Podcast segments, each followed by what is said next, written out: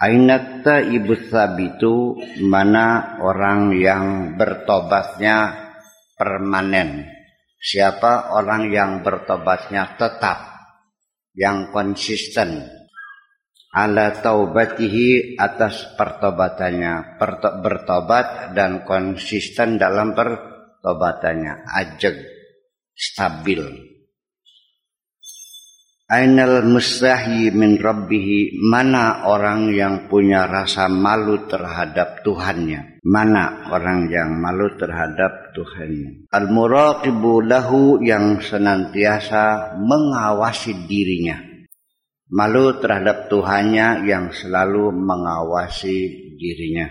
Fi jami'il ahwal dalam segala kondisi dan situasi siang dan malam, pagi dan sore, di mana pun dia berada, selalu diawasi oleh Allah Subhanahu wa Ta'ala. Kamu punya rasa malu atau tidak?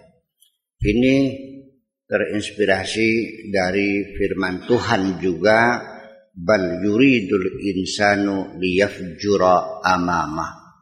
Justru berdebahnya manusia, jahatnya manusia, dia tega berbuat kejahatan di hadapan Allah. Bal yuridu ayafjura amama berbuat jahat di hadapan Allah. Allah melihat dan kamu berbuat jahat berarti kamu tega banget berbuat jahat di hadapan Allah. Seperti kamu mencuri barangku, akunya ada di situ dan tidak tahu rasa malu sama sekali. Gitu. Atau jangan-jangan kamu tidak sadar bahwa Allah ada di hadapanmu. Itu persoalannya. Ya. Ainal muta'affifu anil maharimi fi khalwatihi wa jalwatihi. Siapa orangnya yang berhati mulia tidak mau berbuat melakukan yang haram-haram. Orang yang berhati mulia al-muta'affif ya seseorang yang berjiwa mulia yang tidak mau melakukan kemaksiatan melanggar haram fi khalwatihi wa jalwatihi baik dalam kesendirian maupun di tengah orang banyak di kesepian ataupun di keramaian. Orang berjiwa mulia dia tidak mau melakukan kejahatan bukan hanya ketika banyak orang ketika sendirian pun dia tidak mau berbuat jahat. Kenapa? Karena Allah selalu mengintai, Allah selalu melihat.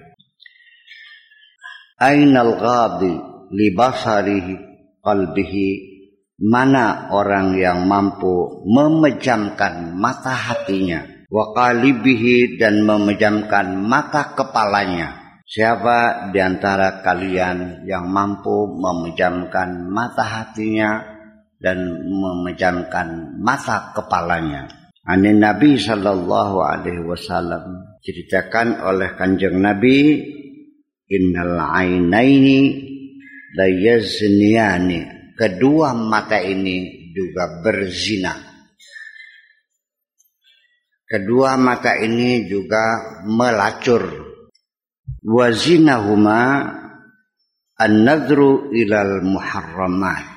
Perzinahan matamu adalah ketika kamu memandangi hal-hal yang terlarang oleh Allah. Ketika engkau memandangi engkau memperhatikan melihat menikmati hal-hal yang diharamkan Allah itulah perzinahan matamu itu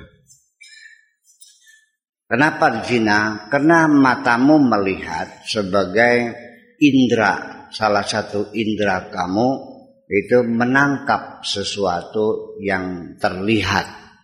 Apakah itu perempuan cantik, apakah itu hal-hal yang tidak layak, itu dikirim ke dalam otak kamu dan diproses di dalam otak kamu. Percaya atau tidak? Lalu akhirnya keluar otak ngeresnya tuh. Otak kamu ngeres nggak? Iya, diproses dalam otak ini. Dan kamu juga merasa nikmat juga.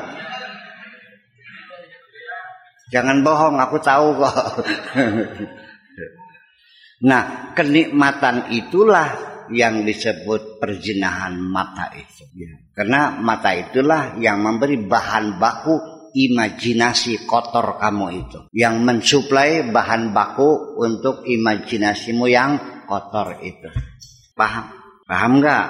Iya udah. Ah, kam tazni ainuka bin nadri ilal muharrami minan nisa. Berapa banyak berapa kali matamu bersina dengan melihat sesuatu yang diharamkan Allah minan nisa baik berupa perempuan-perempuan wasibian dan anak-anak kecil. Ini penyakit sodomi, penyakit pedofil sudah ada sejak dulu. Ini menghayali anak-anak kecil. Itu penyakit dari zaman dahulu kala. Sampai sekarang masih ada. Ini Syekh Abdul Qadir ini cerita faktual di lapangan.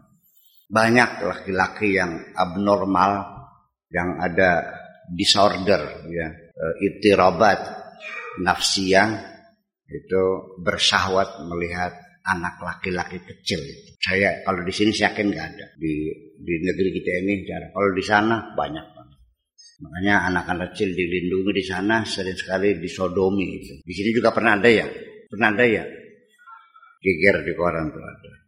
Makanya Allah berkata, "Amma sami'ta qaul qaul Allah azza wa jalla qul lil mu'minina yaghuddu min absarihim.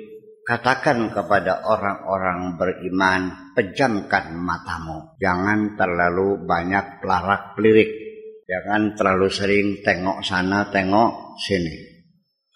Ya silakan berjalan lihatlah. Ya jalan itu yang baik